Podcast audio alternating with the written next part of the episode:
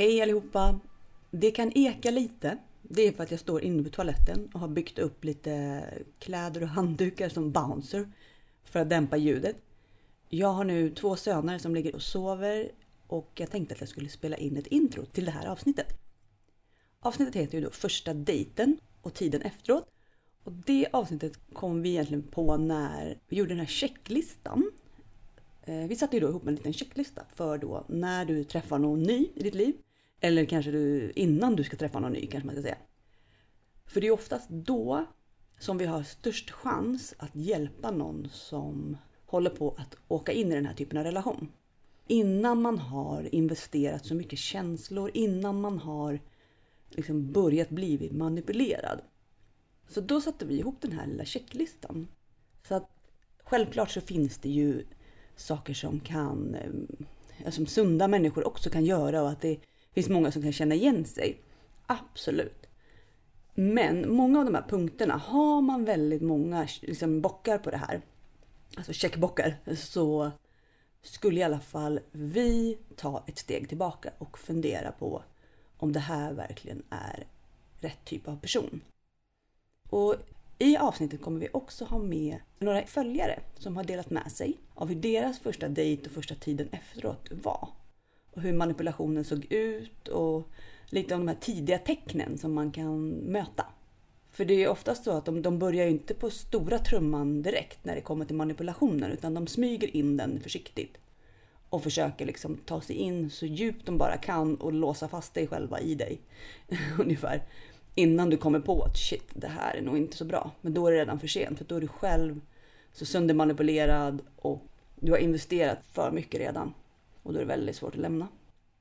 Eh, så att den här checklistan då, jag tänkte bara vi drar den lite snabbt och sen kommer jag att eh, spela upp de här berättelserna för er. Där personerna själva har spelat in ljudfiler och delat med sig. Så att jag hoppas att ni kommer gilla det. Så checklistan då. Första punkten är romantik. Och romantik är ju jättehärligt. Gud, det är ju fantastiskt om det blir som på film och det, ja, det kan bli verkligen den här, um, Liksom som säga, det kommer gåvor det liksom pirrar i magen och man känner så här, men gud, nu händer det. Men det finns ändå ett litet varningstecken där. För att de här personerna försöker att få dig att känna dig otroligt uppskattad och utvald. Du ska liksom lyftas upp till en nivå som gör att du känner att det här är inte på riktigt. Nästan, att det, det är som en saga. Där är det ett litet varningstecken. För att många upplever att de blir tagna med storm och bara känner så här, wow, vad spännande det här är. Um, vi var på en föreläsning och då sa ju Mike Florett att en, vad man sa, vanliga killar är ganska tråkiga. Eller friska killar är ganska tråkiga. Eh, psykopaterna är väldigt fängslande och väldigt eh, ja, vad säga, intensiva och tar en liksom med storm. Men, så att romantik när den blir, när det börjar bli väldigt liksom filmiskt och nästan extremt. Då kan det vara ett varningstecken. Eh, sen är de väldigt intensiva. De fokuserar kanske väldigt mycket på dig eller på sig själva. Man känner att samtalen är inte så balanserade. Det är inte så att man studsar lite bollar mellan varandra och man trevar sig fram. Utan det är väldigt intensivt, ganska fort. Ehm, och i det här så flätar de in att man kommer gärna fort in som en själsfrände. Och att universum vill att ni ska träffas och att det är högre makter som är med i spelet ungefär. Att det finns någon, en mening med det som sker. Så att det är också så att den här personen kan få, er, eller få dig att känna att gud, ni tycker likadant. Ni är liksom väldigt, alltså, har väldigt samma syn på saker och de vill få dig att connecta på ett helt annat sätt än du kanske tidigare har gjort. Eh, och det är också ett varningstecken. Sen ska det gå väldigt fort. Många vittnar om att de flyttar ihop otroligt snabbt och det är ju för att då kommer de in i ditt liv och de får tillgång till dig och de har möjlighet att manipulera dygnet runt ungefär. Så att de vill gärna att ni ska göra saker tillsammans, åka på resor, liksom umgås väldigt intensivt. Och det kanske man gör när man är kär och man tycker det är kul och man är ju, som de flesta vill ju gärna umgås mycket när man blir kär i någon, självklart. Men de här har en nivå till av brådska. Just för att de ska komma in och kunna låsa fast dig. Sen kan det vara en annan bit, det är att de har väldigt ofta problem, problem med sina ex. Deras ex kan vara sinnessjuka, de kan vara helt galna och vidriga och man får absolut inte prata med dem. Eh, och det finns liksom en en, en känsla av att man ska akta sig för deras ex. Och att de har gjort dem mycket ont och ja, det har bara varit problem. Och det är också ett bra knep för då blir man ju såhär, men gud då vill man inte prata med den. Och skulle något ex mot all förmodan höra av sig så är man fientligt inställd på en gång. Även om det här exet egentligen ringer eller hör av sig till dig för att varna dig. För att den här människan är en jävla dåre. Men då har du redan liksom satt upp en, litet, en liten mur mot den här informationen och bara mm, fast du är ju också mentalsjuk så det tänker inte jag lyssna på. Så det är en väldigt bra strategi. Sen kan de också vara väldigt hjälpsamma. De kan ge väldigt mycket av sig själva och vilja hjälpa till. Och de kan komma med saker som du inte ens har bett om. Att de till exempel, men gud jag kör dig till jobbet, jag hämtar dig. Jag gör massa saker så att du nästan liksom blir skyldig dem någonting. Och att du känner att men gud de gör så mycket för mig, nu måste jag ge tillbaka. Sen kan det komma lite aggression. Eh, de kan bli väldigt irriterade om de inte får som de vill under samtal. Om de, om de kanske vill någonstans i samtalet och du säger att nej men det där vill inte jag.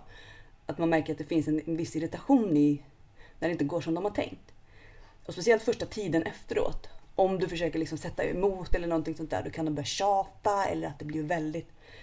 Eh, det handlar om att de ska få sin vilja fram.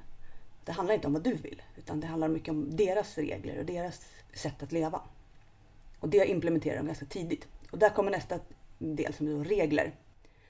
Att de har små, små saker, hur saker ska göras. Hur, liksom, hur deras sätt att se på saker är det som är det rätta.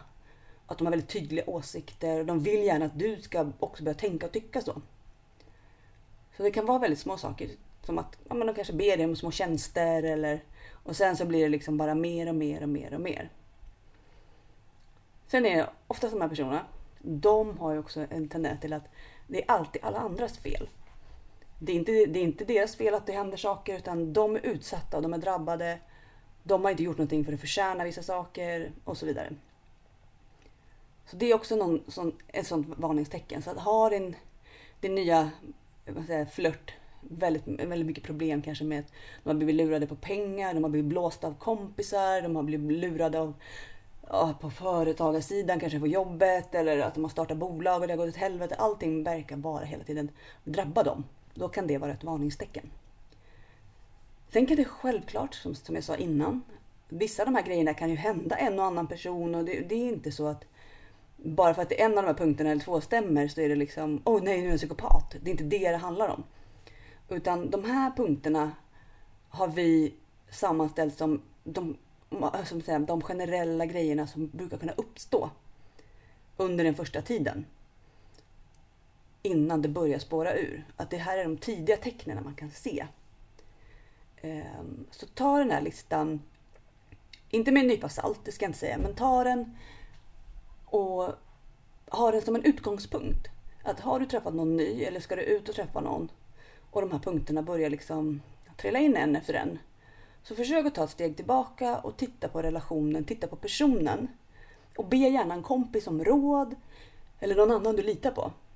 Och försök att innan du själv får för mycket känslor, innan du själv börjar, att du ska börja liksom beblanda dig för mycket med personen. Så försöker du få en liten objektiv syn på det. Och det kan rädda dig mer än du tror.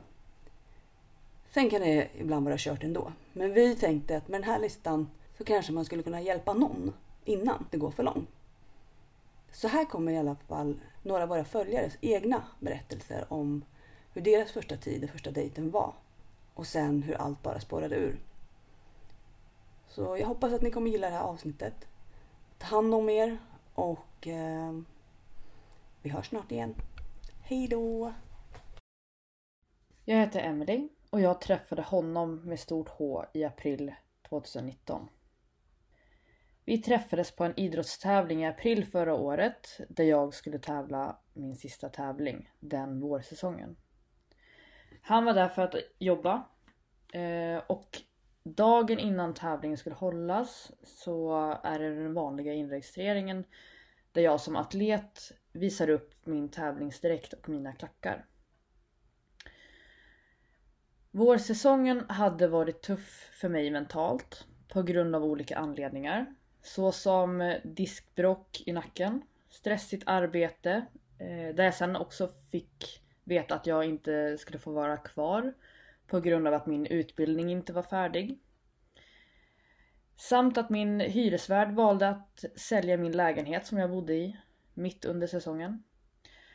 Så på två dagar så hade jag både blivit hemlös, arbetslös och levde med en smärta från helvetet i nacken och gick på en tuff tävlingsdiet. Det var mitt i den här misären som den så kallade prinsen kom in i mitt liv. Jag lyckades glömma mina tävlingsklackar på inregistreringen den fredagskvällen, dagen innan tävlingen skulle gå av stapeln. Och sen på kvällen såg jag på Instagram att den här fotografen hade lagt upp en story om att två tjejer hade glömt sina tävlingsklackar just på inregistreringen. Jag skrattade och visade min coach vilka diethjärnor som hade glömt skorna. Det var inte förrän hon sa att jag skulle ta på mig mina klackar själv och öva inför morgondagen. Och då, då insåg jag att det var ju mina klackar som var kvar på inregistreringen. Så jag skrev ett eh, DM till den här eh, fotografen och sa att det ena paret var mina. Och sen låg vi uppe hela kvällen och skrev till varandra. Och det flöt på liksom. På tävlingsdagen möttes vi upp och han återförenade mig med mina klackar. Han var prinsen och jag Askungen. Och så förblev historien utåt. Redan här kände jag att jag var fast. För mig var det här en så otroligt fin saga och jag minns hur jag tänkte att det skulle vara så himla fint att kunna berätta den här historien för sina barnbarn i framtiden om hur vi hade träffats. Men bara ett par dagar efter tävlingen så började de första varningssignalerna komma. Och jag förstod det inte då.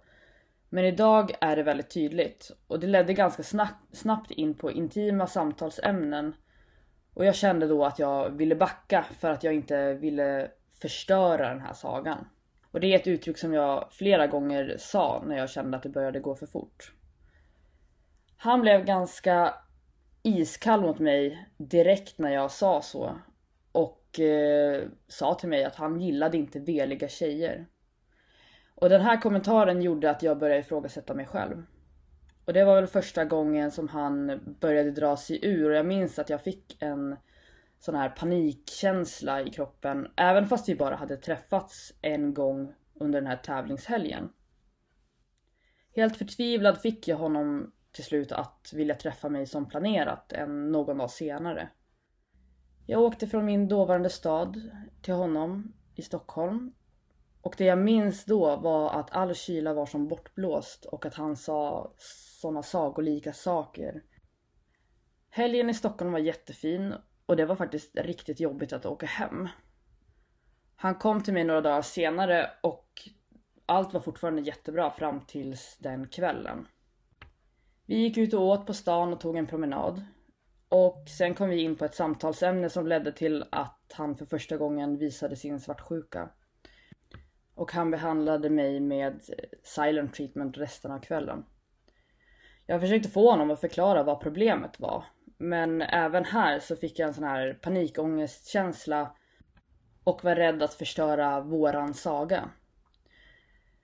När vi kom tillbaka till bilen så säger han någonting i stil med Ja men tänker du köra mig till tåget eller inte? Och jag svarar nej, för jag vill ju reda ut det här.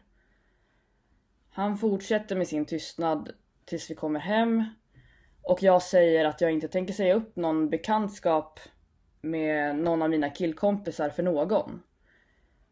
Och jag försöker få ur honom ett samtal men eh, han fortsätter med sin silent treatment. Och trots det här så sov han kvar och sen var allt som vanligt igen. Dagen därpå. Vår relation varade i ett år ungefär. Och det var berg dalbana rakt igenom. Det var jättefint ena dagen och sen var det ett helvete andra dagen. Och jag minns att jag gick och väntade på den här smällen. Jag tänkte hela tiden, nu har det varit bra för länge, när kommer den här smällen? Och han är väldigt duktig på att prata. Så jag kände att han hade så lätt för att övertyga mig och övertala mig om saker. Så när jag stod utan lägenhet, fick jobb i Stockholm, så bad han mig om att flytta in.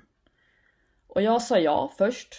Men sen ångrade jag mig och det blev tjafs direkt. Men till slut så sa jag ja igen.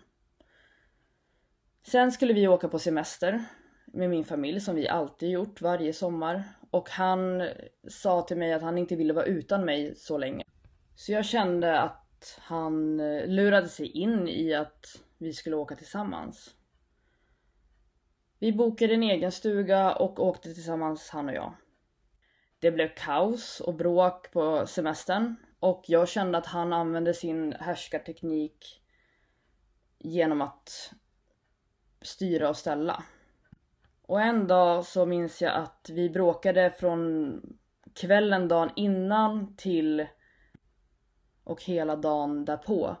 Vilket ledde till att det eskalerade och han bokade sen en resa hem tidigare för att markera att han minsann inte tänkte stå ut med mitt beteende. Efter semestern skulle jag flytta in till honom för att sen börja jobba och svartsjukan började bli mer påtaglig. Och han ville inte att jag skulle gå på mitt nya jobbs kick-off. För där skulle det vara både män och alkohol. Veckan efter så ber en kille mig på gymmet om hjälp med en övning.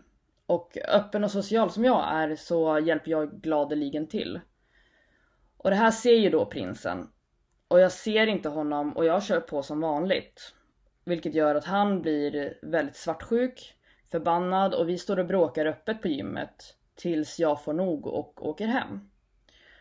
Och under min hemresa så skickar han väldigt mycket hotfulla sms om att kasta ut mig och att jag borde åka hem och sova hos mina föräldrar.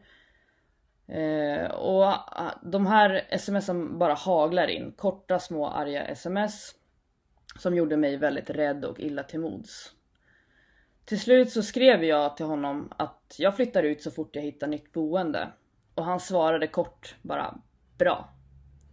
Så jag ringer min mamma och berättar om allting som jag alltid gör. Eh, och jag säger att jag kan inte vara kvar här. Och när prinsen sen kommer hem efter träningen så säger han åt mig att stänga in mig på mitt rum, att han inte vill se mig något mer och att jag inte får komma ut. Och den här paniken och rädslan får mig att eh, kontakta alla mina vänner och kontakter jag har i Stockholmsområdet och frågar om hjälp efter nytt boende. Jag hittar sen en lägenhet och mina föräldrar och jag tar ledigt från våra jobb och packar ihop medan prinsen är på jobbet. Det här är alltså två dagar efter att han hotat att kasta ut mig så har jag redan hittat en ny lägenhet och flyttat ut.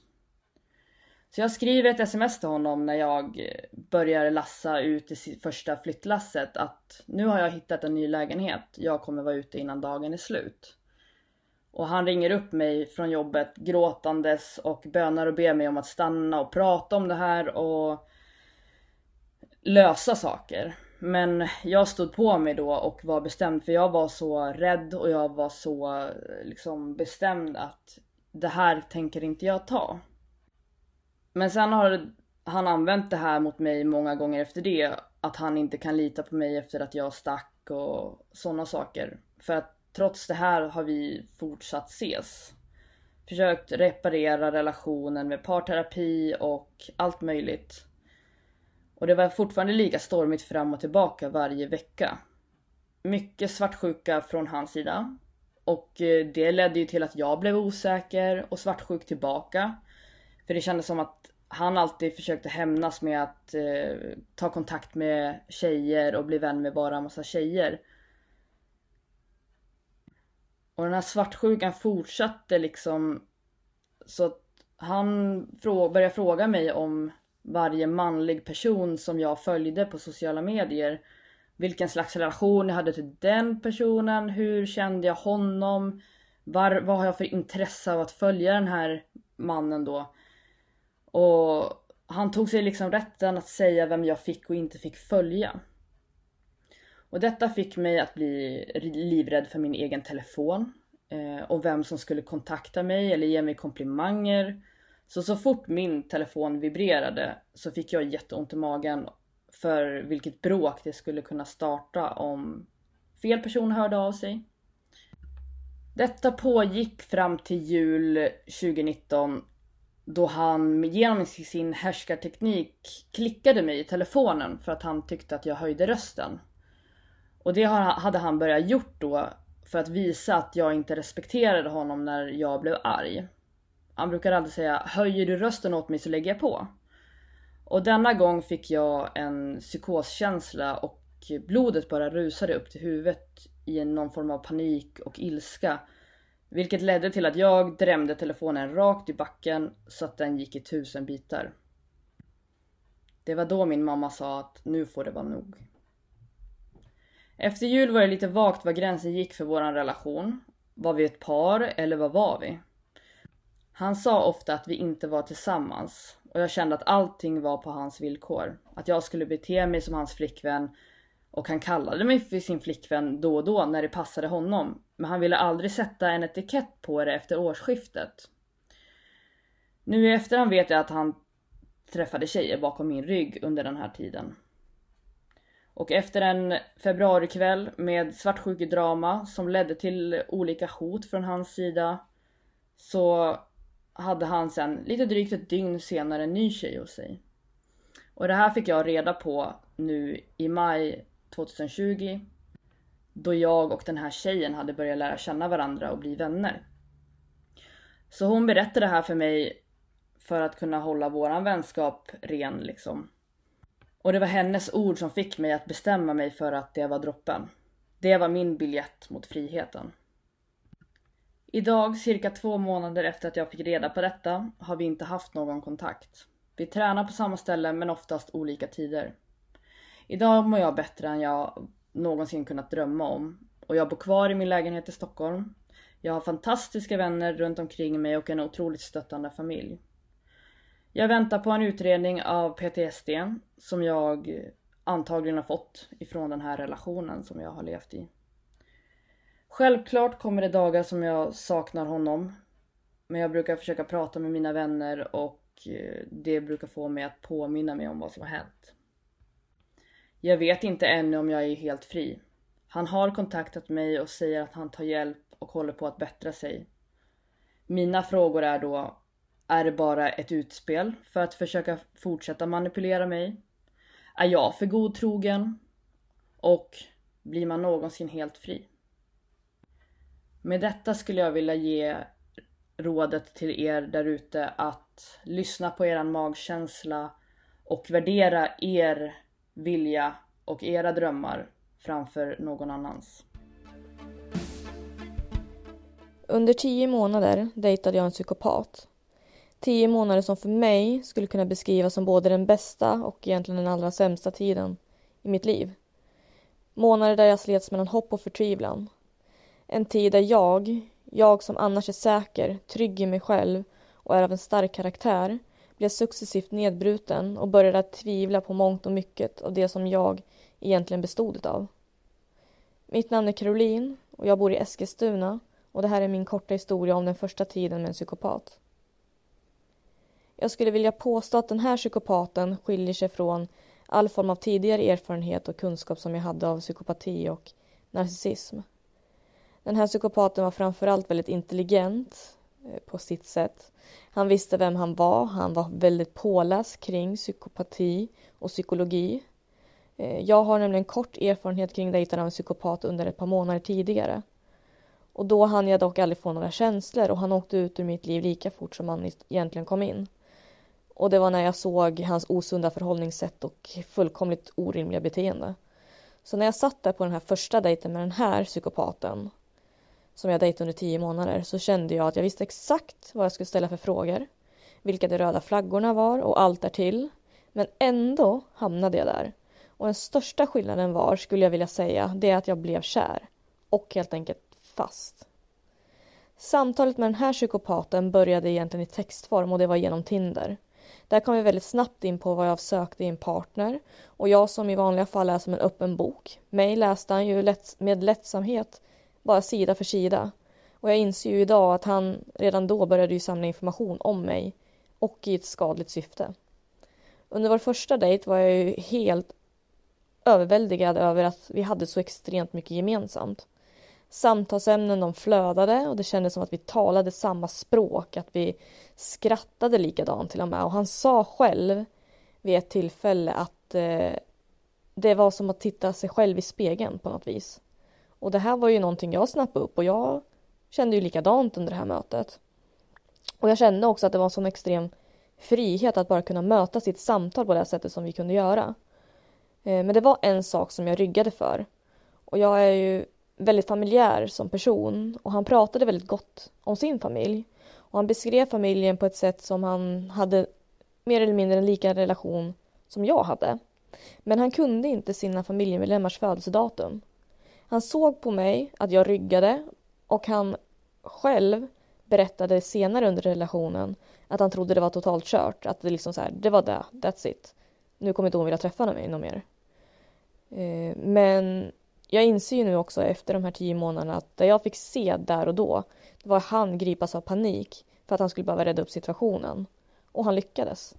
Han började prata mer om sin familj och även om jag tyckte det inte egentligen var okej okay, så vart det som en ursäkt eh, genom att ja, men han har eh, kanske en bra relation. Det var kanske bara att han missade datumen nu helt plötsligt. Den tankebanan kom han väldigt snabbt in i.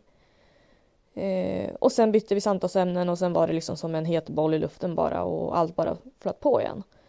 Eh, vi sågs under cirka två, tre timmar den här första dejten. Eh, och när vi sa hej då så var jag bara hungrig på mer. Jag tyckte att han var en sån himla intressant person och jag som sagt ville bara ha mer av hela han. Och jag hade så många fler frågor jag ville ställa och eh, med all säkerhet bara berätta mer om mig själv också såklart. Eh, därför kan jag idag säga att jag var helt fast redan efter första träffen. Som trollbunden av hans skärm och hela liksom, atmosfären och hela hans väsen. Eh, och den första tiden följde ju sedan av väldigt intressanta dejter. Det var väldigt spännande, det var roligt. Vi gjorde väldigt mycket och vi sågs väldigt intensivt. Eh, och många dejtaktiviteter var också på mitt bevåg. Eh, vilket jag senare kom att ändras och vi drogs mer liksom in i hans atmosfär, i hans tycken och hans eh, vad han ville göra, även om vi hade väldigt mycket gemensamma intressen.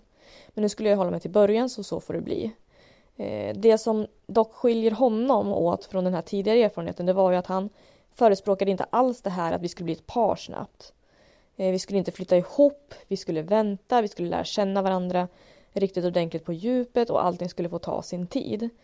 Eh, däremot så skulle vi fortsätta ses och bete oss egentligen lite som ett par. Vilket vi gjorde. Vi konverserade som ett, vi hade ett samliv som ett par. Och eh, skulle jag träffa någon skulle jag säga till samtidigt som jag fick höra hans ord som var Men du kommer ju ändå inte hitta någon som du har så roligt med som du har med mig. Och det här är ju något jag minns att jag ofta sa till mina vänner eh, när jag pratade om honom. När jag liksom började tvivla i det här också att men vi har ju ändå väldigt roligt tillsammans. Eh, och vi kan samtala om allt. Det var ju också någonting han gärna upprepade för mig. Eh, och jag sa ofta att vi skrattar ju verkligen ihop så att vi liksom gråter och det är så kul att vi kan vara så barnsligt lekfulla tillsammans som jag önskar att jag vill ha i ett förhållande. Eh, dock började jag ju se små lögner i saker som han sa också väldigt tidigt i dejtandet. Exempelvis undanhöll han ju för mig att han rökte. Vilket fick mig såklart att ifrågasätta och jag sa rakt ut till honom att om du kan ljuga om en sån sak, vad mer kan du då ljuga om? Vilket jag inser idag ju, var ju väldigt mycket och helt utan skam i kroppen. Även om våra dejter och umgänget var liksom guld och gröna skogar i början så fanns det ju ändå en känsla av att han var en psykopat. Vilket jag även konfronterade honom med väldigt tidigt av dessa månader.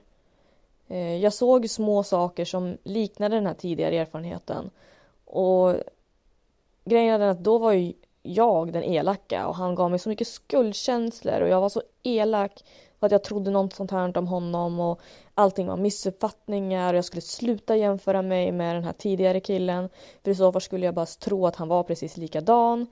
Eh, även fast jag såg det här manipulativa beteendet hos honom. Eh, det jag dock inte fattade och såg i början var ju den här eh, påbörjade psykiska misshandeln också. Vilket också skedde väldigt tidigt under vårt dejtande egentligen. Han kunde vara väldigt elak i sina kommentarer, kritisera mig mycket och, eh, och gjorde allting till liksom ett skämt. För att sa jag någonting eller frågesatte så var det bara skämt. Vilket var egentligen kärnan till allting. Eh, frågesatte jag allt han gjorde eller sa så var det ett skämt. Jag försökte nämligen avsluta den här relationen ett flertal gånger och första gången var cirka två, tre månader in. Och sedan då successivt löpande under hela tiden. Eh, men jag hade fått känslor och jag kunde ju inte tro heller att han var en psykopat. Han dels sa att han inte var det och sen har han ju ändå den historiken om mig sen tidigare och en person som då ska bli en framtida partner, han kan ju inte vara sån. Han kan inte vara så elak.